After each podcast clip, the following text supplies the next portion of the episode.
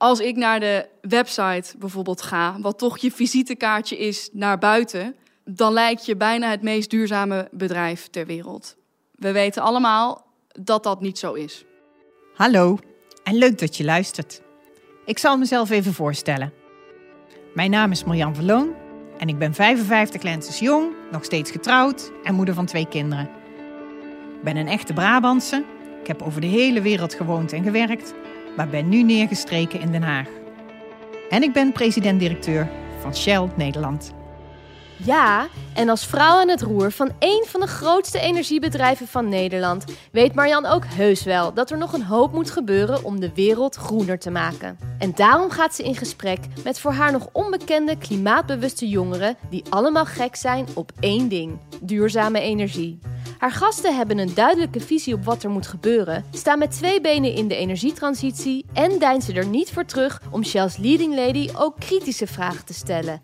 En dat zorgt voor pittige gesprekken en meningsverschillen. Maar je hoeft het ook niet altijd met elkaar eens te zijn, toch? Dit is Marjan krijgt nieuwe energie, de podcast. Kom binnen, Rosanne. Dank je. Ja, ga lekker zitten.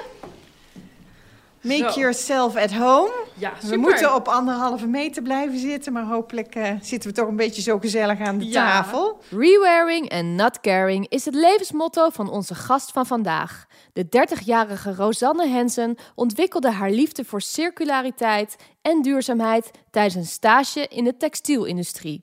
Inmiddels is ze sustainable researcher met een missie om mensen te inspireren duurzamer te leven.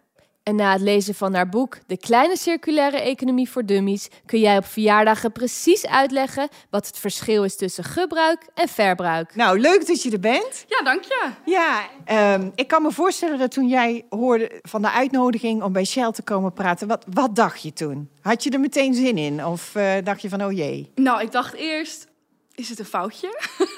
zeg maar, wat eh, interessant, eh, wat, wat, wat een leuk initiatief en, en, en wat, ja, wat ben je aan het doen? Ehm, en was ik wel direct nieuwsgierig van, oké, waarom nodig je mensen uit om te praten en wat is het idee erachter? Ja. Dus eh, nee, ik vond het leuk. Ja. Ja. ja, Nou ja, mijn idee is dat ik dus heel graag ook vanuit mijn, mijn persoonlijk perspectief wil praten met vooral de jongere generatie die heel actief zijn in eh, duurzaamheid. Mhm. Eh, daar vaak ook heel veel van weten, dus ik kan daar heel veel van leren. En eh, behalve expertise ook heel veel bevlogenheid en passie hebben. Dus ik vind dat heel interessant om met jou in gesprek te gaan en daar ook veel van te leren. ja. En, maar ik kan me ook voorstellen dat als jij nadenkt over wat, wat heb ik nou aan zo'n gesprek met Shell? Waarom kom je dan hier naartoe? Wat is jouw mening over Shell? Ja, Ehm, ik moet zeggen dat ik inderdaad eh, even getwijfeld heb van oké, eh, ga ik dit doen? Ehm, vanuit mijn werk, ik ben onderzoeker eh, aan de Antwerp Management School, werk ik veel met bedrijven die in allerlei stadia van de duurzame en circulaire transitie zitten. Ehm, dus ik dacht, nou hè, je moet iedereen kans geven en elk bedrijf begint ergens. Maar als ik zelf, ja, zie, is voor mij niet, staat niet gelijk aan duurzaamheid. Dacht, hè, moet ik daar wel gaan zitten? Is het geen greenwashing? Waar wordt het voor gebruikt? Dus ik, ik ja, geïntrigeerd, laat ik het zo zeggen. En eh, wel tof dat je het doet.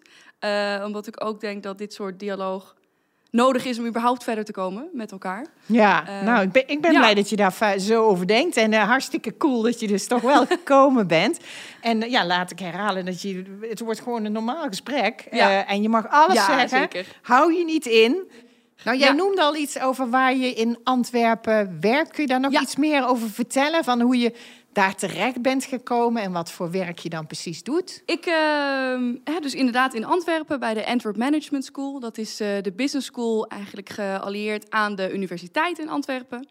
En wij hebben daar een onderzoeksgroep rondom duurzaamheid, duurzame transities, samenwerking met bedrijven en de circulaire economie. En daar werk ik als onderzoeker, ook een beetje als docent. En ja, echt samenwerken met bedrijven aan verandertrajecten. Waar begin je in zo'n transitie? Waar wil je heen? Met elkaar doelen stellen.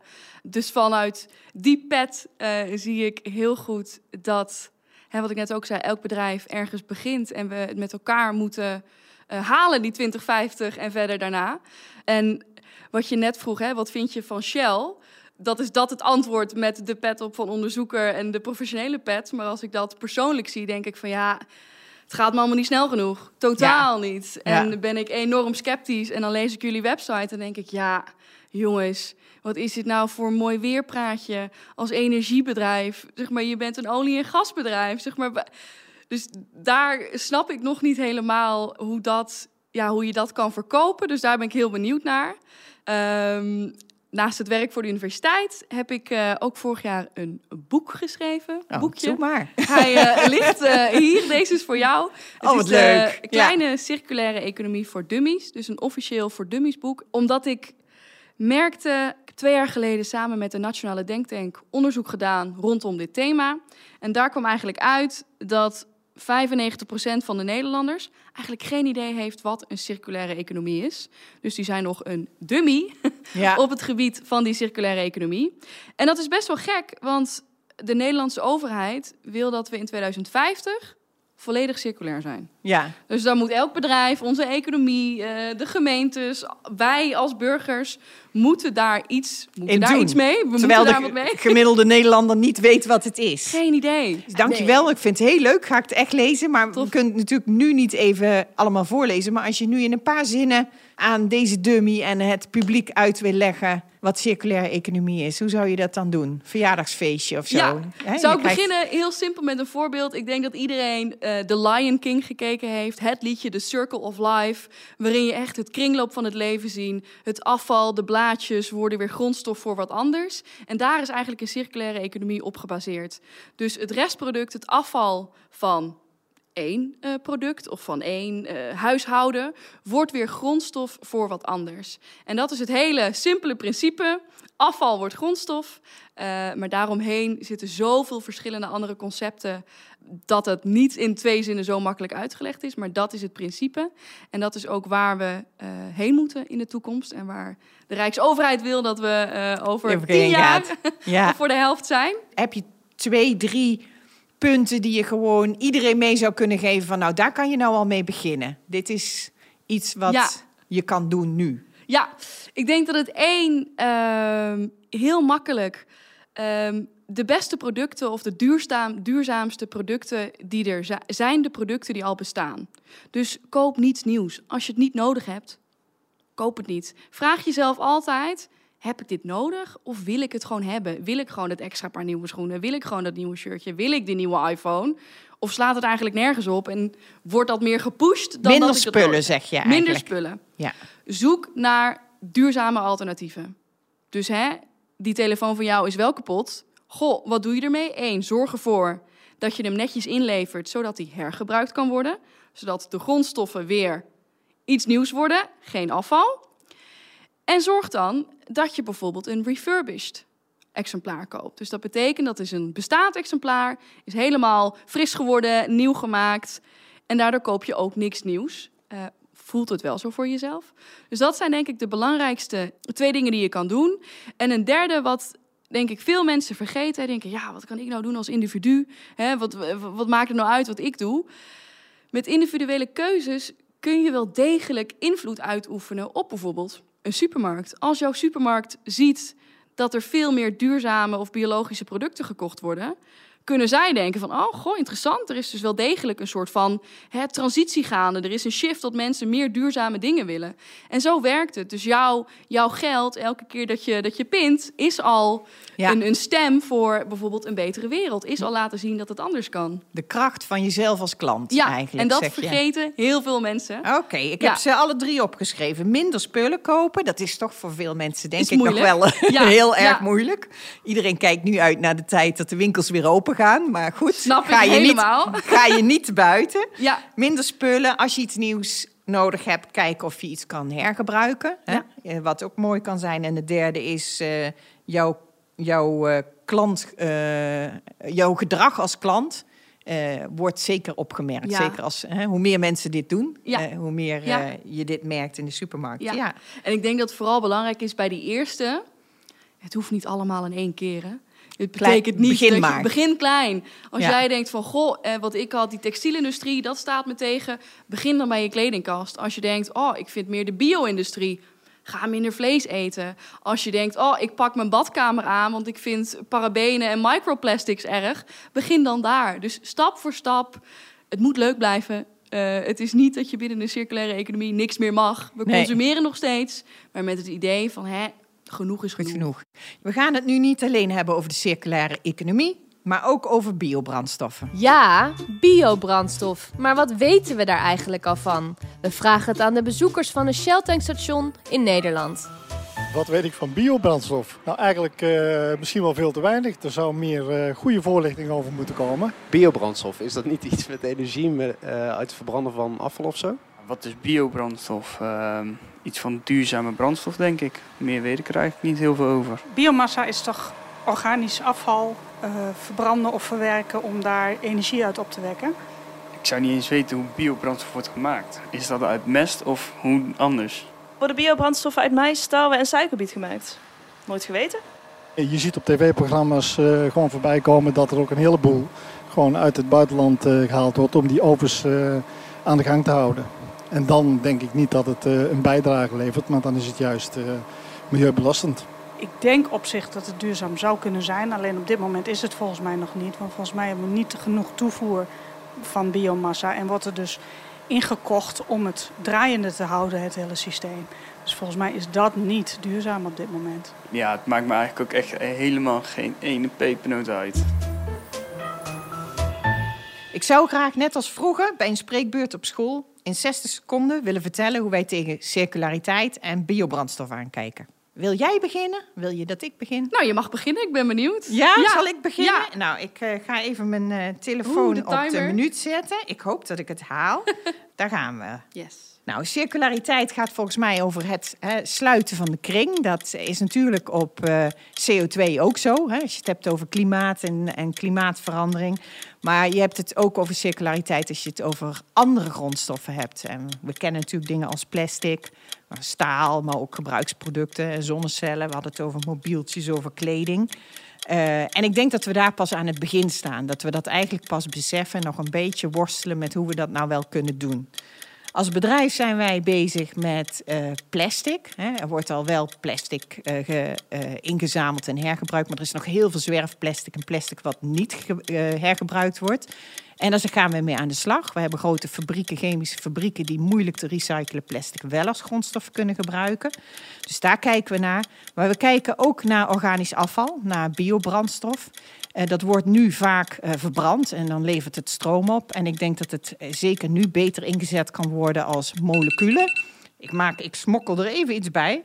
Voor bijvoorbeeld vliegtuigen en grote schepen, waar je dus biobrandstoffen van kan maken voor die sectoren die eigenlijk nu nog geen laag CO2-alternatief hebben. Alright, mooi. Ja? Ja. Wil jij er meteen achteraan? Ja, ja dat is ja? goed. Dan druk ik op start en dan mag je beginnen. Oké. Okay. You go. Yes. Um, waar voor mij de echt fascinatie vandaan komt, of ik ben echt gefascineerd door consumeren en een enorme hoeveelheid afval die we daarmee creëren. Het is niet voor niks dat ik werk binnen de circulaire economie, uh, waarin afval die grondstof is. Um, want het laat zien dat wij als maatschappij, dat wij als individuen enorm het gebruik belangrijker vinden dan het hergebruik. Uh, het afval laat zien wat we consumeren, welke producten waar we van af willen. Het laat producten zien die nog jarenlang in onze aarde rondzwerven, die in de diepste dalen komen, die op de hoogste bergen terechtkomen. Het geeft ons een spiegel van wat wij eigenlijk de wereld inslingeren. Maar het mooie is dat het ook enorm veel creativiteit kan uh, teweeg brengen. Uh, je moet iets met die grondstof. Je, je kan, er komen innovaties vandaan, er komen nieuwe bedrijfsmodellen vandaan. Um, en dat vind ik zo prachtig om te zien. Um, dat iets wat wij zien als wat niets waard is, opeens weer waarde wordt. En daar kom je weer uit bij de biobrandstoffen, dat daar reststoffen gebruikt worden of omgezet worden in een brandstof. Uh, dat vind ik een prachtig beginsel. Waarom vind jij het zo belangrijk om dat circulaire zo tastbaar te maken? Om dat echt beter te gaan pakken? Ik denk één, omdat we niet langer door kunnen gaan zoals we nu doorgaan. Er moeten dingen veranderen. De klimaatverandering of klimaatcrisis is voor veel mensen een, een ver van je bedshow. Uh, het is iets wat je niet dagelijks ziet. Maar het is wel iets waar we nu mee aan de slag moeten. Want als we tien jaar later beginnen, dan zijn we gewoon te laat. Vanuit de wetenschap hebben we nog zeven jaar voordat we bij een kantelpunt zijn. En als we daar overheen gaan, ja, die aarde overleeft het wel. Daar gaat het niet om. maar het gaat erom, wij als mensen, uh, jouw familie, mijn familie, onze kleinkinderen, wat dan ook, daar gaat het om. En voor mij is, is het antwoord op de vraag van wat moeten we dan doen, is gedeeltelijk die energietransitie. We moeten hm. anders omgaan met waar we energie vandaan halen. En het andere gedeelte is veranderen hoe we uh, produceren en consumeren. Ik zeg vaak mijn dochter, uh, ja. uh, een beetje jouw leeftijd, die, daar leer ik heel veel van over hoe zij keuzes maakt. Hè. Koopt mhm. kleren per kilo en doet van die swap parties. Ja, ja. jij zegt ook, ik, ik, ik meet alles af van heb ik dat ook wel nodig? jij bent super kritisch op jezelf. Op een schaal van 0 tot 10. Wat voor punt geef je jezelf daarin? Oeh, uh, nou, ik denk. Nou, je mag ook zeggen wanneer op een schaal van. En als, je, als je van het, het relateert aan mezelf, hè, aan mij. Oh. Maar ik, ik ben nog natuurlijk niet zo ver. Nee, ik denk een, uh, een 7,5. Ja. Dat is een prima voldoende. Het kan altijd beter. Um, want dat is wel. Uh, ja, natuurlijk, er zijn ook dingen die ik, niet, uh, die ik nog niet doe. Ik uh, hou ook van vakantie en ik neem eens per jaar het vliegtuig. Ik eet af en toe vlees. Ik draag leren schoenen. Mijn ouders rijden in een benzineauto en daar ben ik gisteren ook bij op en neer gereden. Dus hè, er zijn altijd dingen die beter kunnen. Ja. Maar wat ik net zo ook zei, je moet ook aardig blijven voor jezelf. En uh, het leven moet ook leuk zijn. Ja. en um, je moet alles doen binnen de mate dat ook kan voor jezelf en wat er op dat moment mogelijk is. Nee, dat snap ik ook wel. En wat voor cijfer geef jij jezelf? Nou, ik denk dat ik nog, uh, als ik mij vergelijk met jou, zit ik zeker nog op een onvoldoende. Ik, mm. ik, ben altijd wel een beetje positief en lief voor mezelf, dus ik zou me geen hele diepe onvoldoende ja. geven. We eten wel veel meer uh, vegan en vegetarisch. dat doe ik wel. Ik denk ook niet dat ik echt heel veel uh, nieuwe spullen koop. Gewoon misschien ook omdat ik niet veel tijd heb om naar de winkel te gaan mm. in mijn baan. Ik denk de meeste spullen die ik nog koop zijn wel kleren. Ja. Hè, ook te maken met mijn baan. Ja. Maar dat doe ik dan wel weer lang mee. Maar ik denk dat ik daar echt nog wel stappen in kan zetten. Mm -hmm. En ik uh, merk ook wel dat hoe meer geïnformeerd ik raak dat dat mijn keuzes beïnvloedt. Dat ik vaak denk, oh, dat wist ik helemaal niet dat dat zo zat. En dat je dan toch twee keer nakijkt. Dus ja, welk, ik denk dat ik op een vier zit, mhm. Rosanne. Ja. ik, heb nog, ik heb nog wel wat te gaan. Uh, ik doe natuurlijk wel, vind ik, uh, in mijn baan hard mijn best om de energietransitie te versnellen. Dus ja. daar heb ik uh, mezelf dan wel een puntje voor toegekend. Ja, ja, snap ik. Jij zei al iets over vliegen en, en andere dingen. Probeer je dan uh, te compenseren? Of vind je dat dan uh, te ja, Nee, dat te doe ik altijd. Of, nee, uh... nee, nee, nee, nee. Maar als nee. ik een vliegreis maak, is het altijd inderdaad de CO2 compenseren. Via C CO2 Logic is dan in België wat we hebben. Ja. Maar mijn zusje woont in Londen. Ik ga niet op en neer met het vliegtuig. Nee, dat, dat soort dingen doe ik niet. Dan neem ik de trein. Ja. Een vriendin in Berlijn ga ik ook niet met het vliegtuig heen. Ja. Dan betaal ik meer voor een trein dan ja. dat ik ja. met een goedkope maatschappij heen en weer vlieg. Ja, dat herken ik wel. Want we hebben, ik weet niet of je dat meegekregen hebt, maar natuurlijk onlangs een, uh, een mooie pilot gedaan met synthetische vliegtuigbrandstof, ja. kerosine. En dat uh, werpt natuurlijk meteen veel vragen op van ja, hoe kan je dat nou zo snel mogelijk opschalen mm -hmm. en mogelijk maken. Hè? Want dan maak je echt uh, duurzame vliegtuigbrandstof uit, uit CO2 en uh, water en stroom. Mm -hmm. uh, maar ja, dat probeer je natuurlijk zo snel mogelijk te doen door ja. hè, inderdaad ook politieke keuzes. Heel veel wind op zee. Dus ja, met, met die agenda zijn we wel bezig, ook als mm -hmm. Shell. En we zijn ook bezig om in de tijd dat het kost om dat dus allemaal wel voor elkaar te krijgen te kijken naar biobrandstof op de raffinaderij in Penis. Om in plaats van uit olie vliegtuigbrandstof te gaan maken uit uh, dierlijk en plantaardig mm -hmm. afval. Ja. Uh, ja, dat vergt een stukje nieuwe fabriek, maar dan kunnen we toch ook wel weer een deel van de oude fabriek van gebruiken. En zo zie je dat een deel van het oude Shell kantelt langzaam naar uh, nieuwere en, en, en betere brandstoffen. Dus ik Mhm. hoop dat als we dat blijven doen, dat we toch ook in de toekomst eh, mogen blijven bestaan. eh. Ja. ja, ja, want ik had het inderdaad wat, wat cijfertjes hè, opgezocht. Mhm. En daar las ik ook dat Shell maar 4% van haar totale uitgaven investeert in duurzame energie. Dan vroeg ik me af, is dat als Nederlandse Shell anders? Of is dit meer zeg maar de wereldwijde Shell?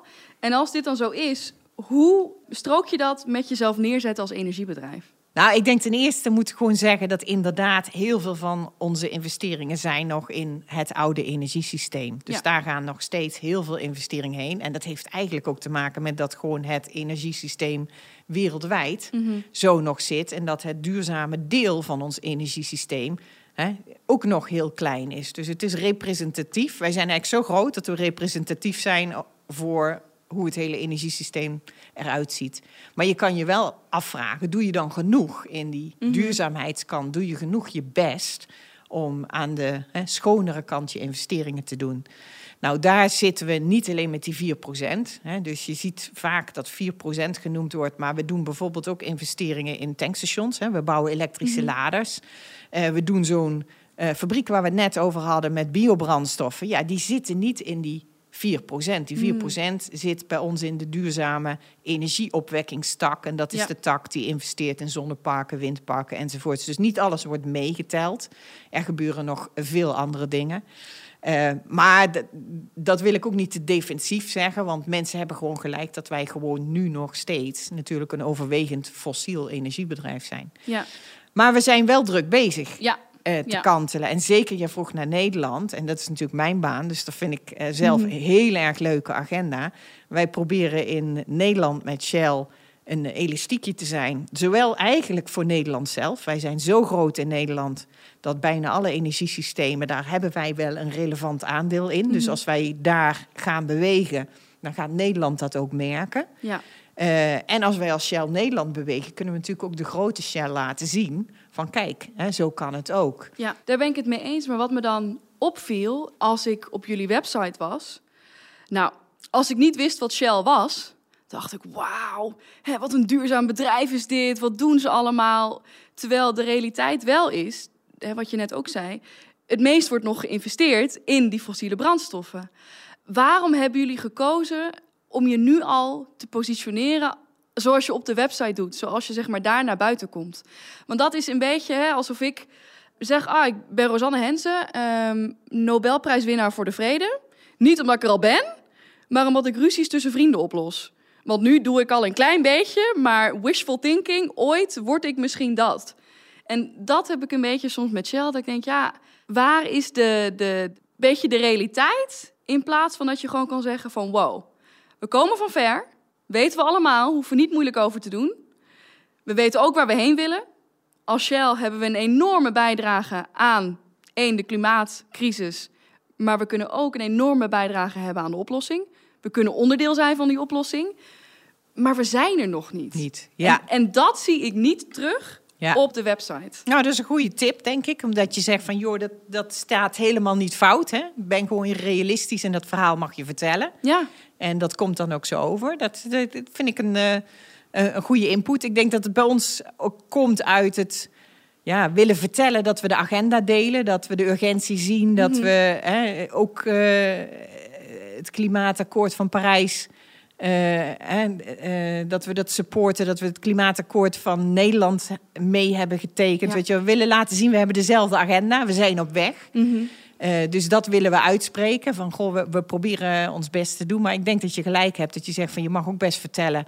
eh, maar goh, eh, we zijn er nog lang niet. Ja. En dat is niks om je op dit moment hè, voor hoeven te schamen. Als je maar heel hard je best doet om eh, zo hard mogelijk te lopen. Want hoe is dat eigenlijk voor jou? Want ehm, hè, in, je, in je functie trek je daar natuurlijk enorm hard aan. Maar strookt dat helemaal met wat jij persoonlijk ook vindt? Zeg maar, gaat het voor jou persoonlijk ook snel genoeg? Of heb je hetzelfde als ik, dat je met je werk denkt van... ja, oké, we gaan snel, maar persoonlijk een beetje zo van... ja, kom op jongens, kunnen we niet meer? Nee, dat laatste heb ik. Maar dat heb ik naar ook naar buiten en naar binnen. Hè. Dus ik merk dat eh, ehm, we moeten versnellen. Ik kan ook zien dat het kan als iedereen heel goed met elkaar samenwerkt.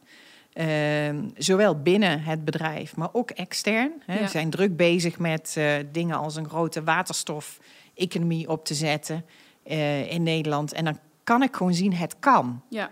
Dat vind ik mijn taak, om te laten zien eh, hoe zou het kunnen. En mensen aan te moedigen en aan te sporen van kom op nou. Maar uiteindelijk heb ik die anderen ook wel nodig. Ik moet vaak ook wel tegen het team zeggen van ja, het feit dat het moeilijk is, maakt het ook de moeite waard. Weet je wel, als het niet moeilijk zou zijn, dan lopen we niet hard Dan deed je genoeg. niet genoeg. Nee. We gaan natuurlijk ook een aantal stellingen bespreken. En ik ben heel benieuwd waar we uitkomen. Stelling 1. Biobrandstof is voor de gemiddelde Nederlander niet toegankelijk. Ja, dat ben ik wel mee eens. Ik denk dat of dat de gemiddelde Nederlander überhaupt niet weet eh, Waar wat het het, in is. zit. Ik had het er met mijn ouders over gisteravond.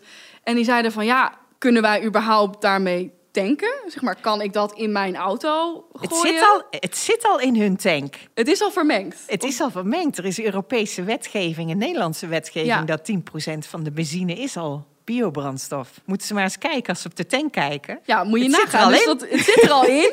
Dus is het toegankelijk? Nou, blijkbaar Ja, wel. dus wel. Maar, geen bewuste klantkeuze blijkbaar. Nee. En ik denk als je toegankelijk kijkt eh, naar, als je dat ziet in termen van bewustwording of dat mensen weten wat het is, eh, ik denk dat dat een, een moeilijke is. Ik denk niet dat veel mensen weten wat een biobrandstof is. Of zie je dat anders? nee, ik denk dat veel mensen moeite hebben met begrijpen wat het is. Ja, Sommige mensen hè, zijn al wel zich erin aan het verdiepen. En je kan dus soms al, hè, deel van je gascontract thuis, kan je al biogas of groen gas, Ja. heet dat dan. Ja.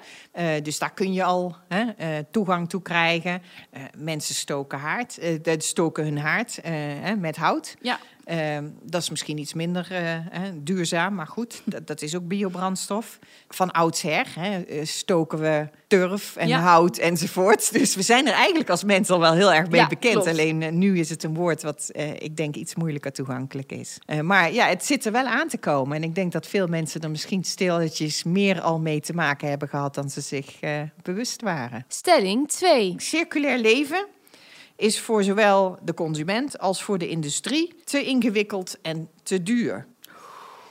Oeh, die is in jouw straatje. Ja, daar ben ik het niet mee eens.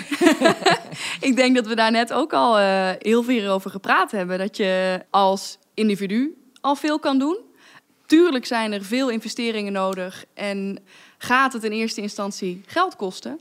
Maar ik denk wel dat dat nodig is om over 10, 15 jaar nog bestaansrecht te hebben. Om überhaupt mee te komen met alle transities die er gaande zijn in de samenleving. Dus is het te duur? Nee, niet mee eens. Nee, Ehm, denk je dat de klant het ervoor over heeft, de consument? nu zijn bepaalde circulaire producten of duurzame producten zijn duurder. Maar dat komt ook omdat we in een economisch systeem leven waar het gewoon totaal niet loont om duurzaam bezig te zijn. Dus de belasting en de financiële prikkels Ja, moeten de andere kant op. Die moeten de andere kant op. Als die liggen op de vervuiler betaald, is het automatisch goedkoper om betere producten voor de wereld te maken. En is het voor de consument ook goedkoper om die te kopen. Dus als ik kijk naar een circulaire economie als zeg maar ideologisch systeem, dan eh, verschuift de belasting eh, op grondstoffen naar arbeid. Dus wordt het goedkoper om met meer mensen dingen te produceren, om lokaal te produceren. Waar het nu in lage loonlanden wordt geproduceerd, komt dat dan in Nederland terecht en kun je hier met hergebruikte grondstoffen gaan produceren. Maar dat zijn nu allemaal, is dat niet aantrekkelijk. Ja. En wordt dat duurder voor de consument om dat soort Ja. producten te kopen? En dan zeg je, dan moet je dat niet meer uit lage lonenlanden halen. Eh, moet er dan een hek om Nederland? Nee, zeker niet.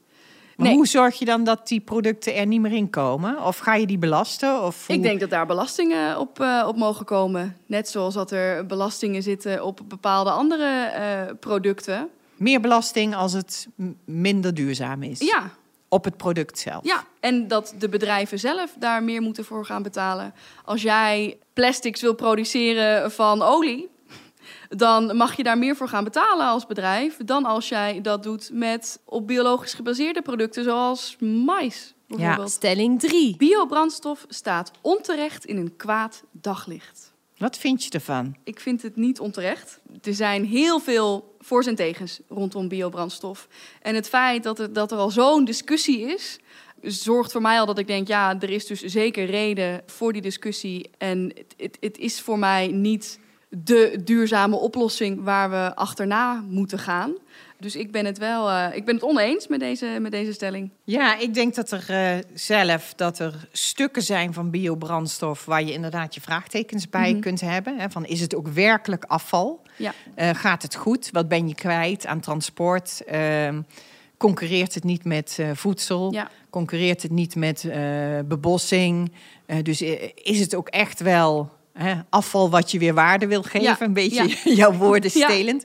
Of had het eigenlijk al een andere waarde en ga je het dus afzetten tegen iets anders. Dus ik vind het wel jammer dat andere biobrandstofoplossingen, hè, echt afval van dierlijke en plantaardige Mhm. vetten, die op dit moment gewoon veel slechter eh, gebruikt worden en die je kunt opwaarderen eh, voor sectoren die het keihard nodig hebben, dat die daarmee ook in één keer in hetzelfde daglicht komen te Ja. staan. Want ik denk dat er verschil is tussen het een en het ander. Ja. En dat je er dus al een beetje verstand van moet hebben eigenlijk om te weten waar de discussie over gaat. Ja. Is er genoeg aanbod om aan de vraag te voldoen als de hele zware transport overschakelt naar bio-LNG? Ja, als je kijkt, bijvoorbeeld in Nederland zijn er sommetjes gedaan. Hè? Mhm. Toen we bezig waren met de projectontwikkeling van Noordsol om bio-LNG te maken. En dan zie je dat puur in Nederland al eh, er zoveel eh, landbouwafval vergist wordt. Wat eigenlijk nu gebruikt wordt voor stroomopwekking, maar wat Mhm. je dus zou kunnen gebruiken voor zwaar transport. Ja. Dat je daar inderdaad een hele grote hoeveelheid hebt. Dus daar is genoeg van.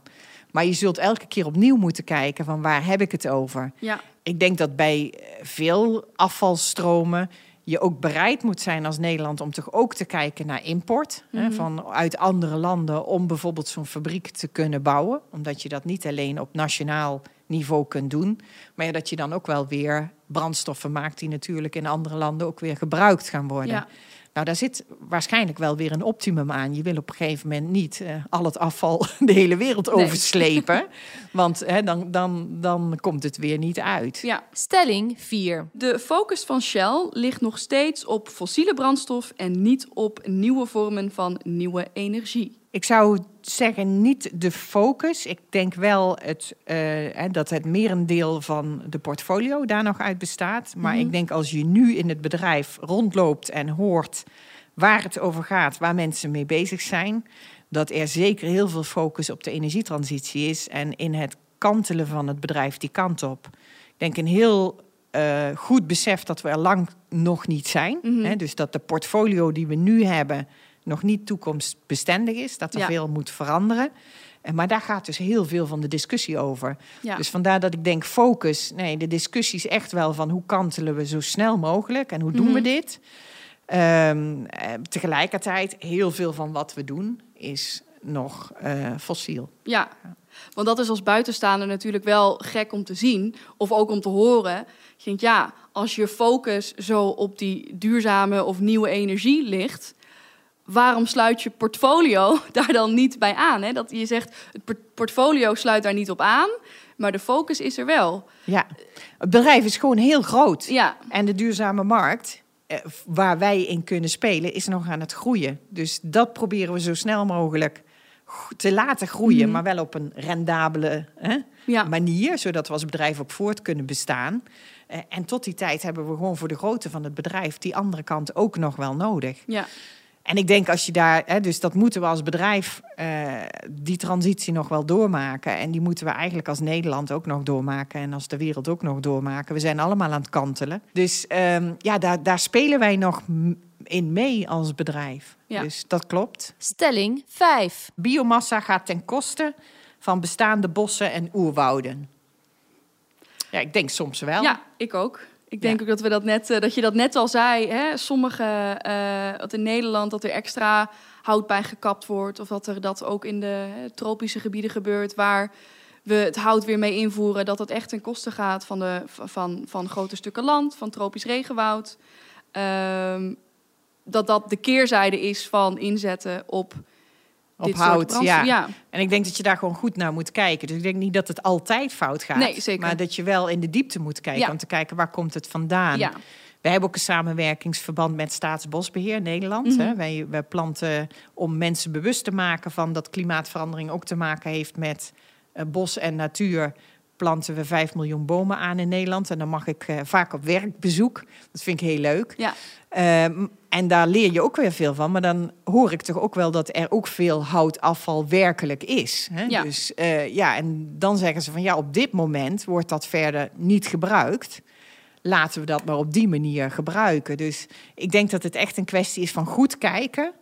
En er zijn, denk ik, hele stukken die we niet moeten doen. Waar we misschien in het verleden hè, te snel hebben gezegd, doe het maar wel. Ja. Nu hebben we meer inzicht en dan zeggen we, dit zouden we eigenlijk niet moeten willen.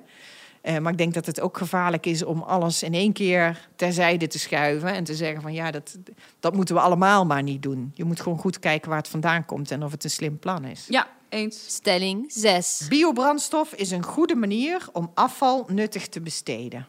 Ben ik het mee eens. Ik denk dat het voor nu een goede manier is als het bij dat afval blijft. Als er niet extra afval gecreëerd moet worden om ja, fabrieken te laten draaien en dit in stand te houden. Ik denk dat het voor de komende tien jaar een hele goede soort van overbruggingsperiode of overbruggingsbrandstof is. Totdat transport wel op waterstof kan rijden of totdat er wel eh, elektrische vloten zijn. Ja. Ehm, dus wat dat betreft, ja.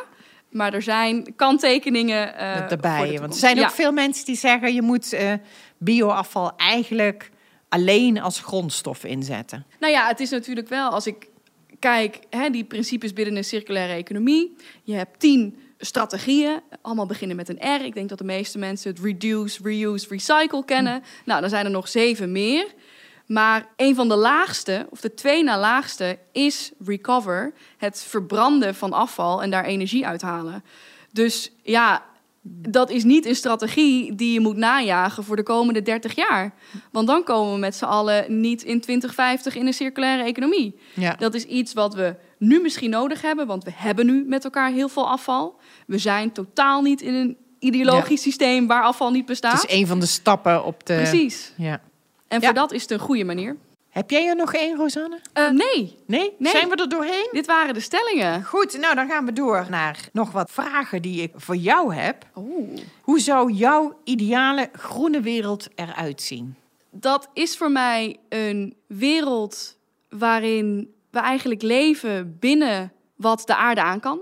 We hebben, ik denk de meeste mensen wel gehoord van Earth Overshoot Day.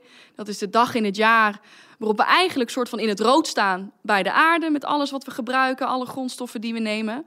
Ehm, in mijn ideale wereld bestaat die dag niet meer. We houden het netjes binnen de perken. We gebruiken wat we nodig hebben. We hebben het idee genoeg is genoeg. En ik denk dat dat al een heel mooi streven is waar we naartoe zouden moeten. Iedereen hergebruikt elkaars kleren. Ja, het hergebruiken van kleren. Het, Ondergoed het langer ook? gebruik. Ik kan hartstikke goed wassen. en dan door naar iemand anders. Ondergoed, wie weet. nee, maar ik denk ehm, dat we in, een, in mijn ideale groene wereld... dat we ook langer tevreden zijn met dingen. We leven nu in zo'n snelle wereld waar alles maar nieuw voorhanden is... en we kunnen kopen wat we willen, wanneer we willen, snel, goedkoop, whatever. Maar dat we gewoon stil moeten staan en denken... wat we hebben is al zoveel. Waarin zou Shell in jouw ogen stappen kunnen maken? Ja, Ja, wat ik in het begin van het gesprek ook zei. Als ik naar de website bijvoorbeeld ga, wat toch je visitekaartje is naar buiten, dan lijkt je bijna het meest duurzame bedrijf ter wereld. We weten allemaal dat dat niet zo is. Dus mijn, ja, wat, voor mij Shell moet doen, is daar realistisch en eerlijk mee omgaan. Doe je niet mooier voor dan je bent. We weten allemaal dat Shell 30, 40 jaar geleden al wist wat klimaatverandering teweeg kan brengen. Maar dat is nou eenmaal zo, daar kun je niks aan veranderen. Maar doe, doe je niet beter voor dan je bent. En ehm, wat ik soms merk, sta ook niet ervan te kijken als mensen sceptisch zijn. Hè? Dus, dus wees eerlijk in je antwoorden. En nou, een, een grappig voorbeeld wat, wat vorig jaar eh, via Twitter helemaal opgeblazen is, is dat eh, het Twitter-account van Shell vroeg aan consumenten of aan zijn volgers van, hè, wat gaan jullie veranderen in je energieconsumptie? Ga je CO2 afkopen? Ga je je op elektrisch rijden? En het was echt zo van, wat ga ik veranderen? Maar Shell, wat gaan jullie veranderen? Wat is dit nou weer voor vraag? Waarom leg je het bij je Twitter-volgers neer? Nou, daar is natuurlijk heel veel uh, reactie op gekomen. Ja, die viel niet goed. Nee. nou ja, en dat soort dingen, als je als bedrijf dat soort fouten nog maakt, hm. dat zou gewoon niet moeten. Hè? Want dan gaan mensen je niet serieus nemen. Ja. Dan neem je duurzaamheidsclaims niet serieus. Ja. Uh, ja. En ik denk dat dat uh, anders zou, uh, zou kunnen. Zou kunnen, ja. ja. Nou, dankjewel. Goede input, realistische website, eerlijk zijn. En uh, jij zei ook eerder al overtuigd met, met je activiteit en je investeringen. Ja. En daar, met de mooie praatjes. daar moet het van komen, zeker. Ja. Heb je nog vragen voor mij persoonlijk die je nog niet hebt gesteld of andere vragen? Wat ik mij afvraag, hè, we zitten nu samen in gesprek en zoals ik net zei, hè, met die klimaatverandering, we weten nu gewoon waar het vandaan komt. Als Shell ben je een van de grote vervuilers. Hoe betrek jij dat elke dag in je werk? Zeg maar, hoe ga jij naar je werk wetende dat Shell daar vandaan komt? En ja, hoe ga je daarmee om? Ja, ik uh, ben natuurlijk opgegroeid in het bedrijf, min of meer. Hè. Mm -hmm. Ik werk er al 30 jaar. En ik heb meegemaakt dat de uh, energietransitiediscussie begon. Maar toen zat ik eigenlijk aan de Aziatische kant. Mm -hmm. Toen zat ik in Australië en toen maakten we vloeibaar aardgas. Wat een product was wat in Azië interessant gevonden werd om het gebruik van kolen terug te dringen. Mm -hmm. Dus toen, toen was ik daar zijdelings al wel mee bij betrokken. Dat ik dacht, dat is mooi. Ja. En uh, nu, in deze baan, zit ik er middenin. En ben ik begonnen toen eigenlijk het uh, klimaatverdrag van Parijs uh, net was ondertekend door alle overheden. En ik ook echt op pad gestuurd ben van en nu gaat er maatschappelijk iets gebeuren. Want de overheid heeft getekend en nu gaat er iets aangezet worden. Dus um, ik ben echt zelf elke dag onderdeel van die agenda en dat veranderingsproces. En ik ben ja. me heel goed bewust dat we een heel eind te gaan hebben dat er heel veel moet gebeuren. Maar ik zie ook wel dat dat niet alleen bij Shell is, maar bij, hè, bij alles en bij iedereen. Maar ook dat de verwachtingen wel zijn naar ons bedrijf dat wij daar een leiderschapsrol in nemen. Dat wij mm -hmm. laten zien wat we kunnen. Dat we onze. Hè, we zijn groot. En dan moet je ook extra je best doen om te laten zien dat je uh, de verandering mee kan laten gebeuren. Uh, en ja, dat, dat wil ik heel graag. Ja. Dus dat motiveert mij ook. En soms is het frustrerend um, dat het niet zo hard gaat als je wil. Soms is dat frustrerend extern, soms is het frustrerend intern. En soms is het ook heel moeilijk dat je al die kritiek krijgt. Ja. Van, uh, goh, en uh, jullie... Terwijl ik denk, ja, wij doen niet alles goed. Nee, maar we doen ook niet alles fout. Mm -hmm. En uh, ik zie wel dat mensen hard bezig zijn... met net zoveel hè, passie en bevlogenheid om hun werk zo goed mogelijk te doen. Ja. Dus ja, daar probeer ik eigenlijk bij te helpen. En dan vind ik stiekem dat ik eigenlijk een van de mooiste banen heb die er zijn in Nederland. Mm. Omdat ik in een energiebedrijf, olie- en gasbedrijf, even realistisch gezegd, ja. in een energiebedrijf, dat ik, um, ja, dat ik eraan mag trekken om die energietransitie zo hard mogelijk te laten gebeuren. En dat ik ook in een positie ben in Nederland als speler, een belangrijke speler in het energiesysteem, om mm. verandering te kunnen laten gebeuren. Dus het is, een, ja, het is een hele grote agenda. Maar ja, dat vind ik dus heel leuk, dat je als persoon uh, daar je impact op mag hebben. En dat als je elke dag heel hard werkt, dat je aan zoiets relevants mag werken. Ja, ja ik denk dat jij, dat, ik proef een beetje die bevlogenheid van jouw werk uh, er ook wel door. Ja. En ik denk dat elk mens dat zoekt. Hè? Van je, Ja. wil, je wil een verschil kunnen maken. Je wil in ieder geval met al je harde werk overdag het gevoel hebben dat dat op prijs gesteld wordt Ja. en dat, dat dat maatschappelijke waarde toevoegt. Dus hoe moeilijk het ook is, ik vind het een prachtige agenda, Rosanne. mooi. Ja, mooi. Goed, hoe vond je het om hier te zijn en het gesprek wat we gehad hebben? Hoe kijk je erop terug? Ja, ik, eh, leuk gesprek. Blij dat je, dat je me uitgenodigd hebt. Het, het is ehm, wat je zelf zegt, eh, net ook. Je werkt elke dag hard aan een bepaalde agenda waar toekomst in zit en, en die, we, die we moeten implementeren. En dat vind ik heel mooi om te zien. Ja, echt heel goed. Nou, Tof mooi. Ik vond het ook vertelt. heel erg leuk. Ik heb er ook weer veel van geleerd. Ik, eh, en zeker ook weer met een, eh, ja, een iets andere bril naar dingen kijken. Ik denk dat dat eh, heel goed is voor mezelf, maar ook voor de, de baan en de functie die ik doe.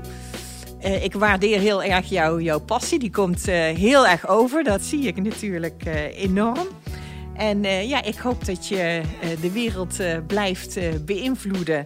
En eh blijft zo doorgaan. Ik hoop dat je boek goed verkoopt. Ik begrijp dat je ook bezig bent met een nieuw boek. Boek nummer twee, dat is eh, Engelstalig Mastering the Circular Economy. Meer gericht op educatie en eh, voor bedrijven om daar mee aan de slag te gaan. Nou, hartstikke Ja. interessant. Gaan we lezen. Dankjewel. Rosanne, voor dit gesprek. Dankjewel, jij ook. Dit was Marjan krijgt nieuwe energie. Volgende week is er alweer een nieuwe aflevering. Benieuwd? Abonneer je dan op deze podcast.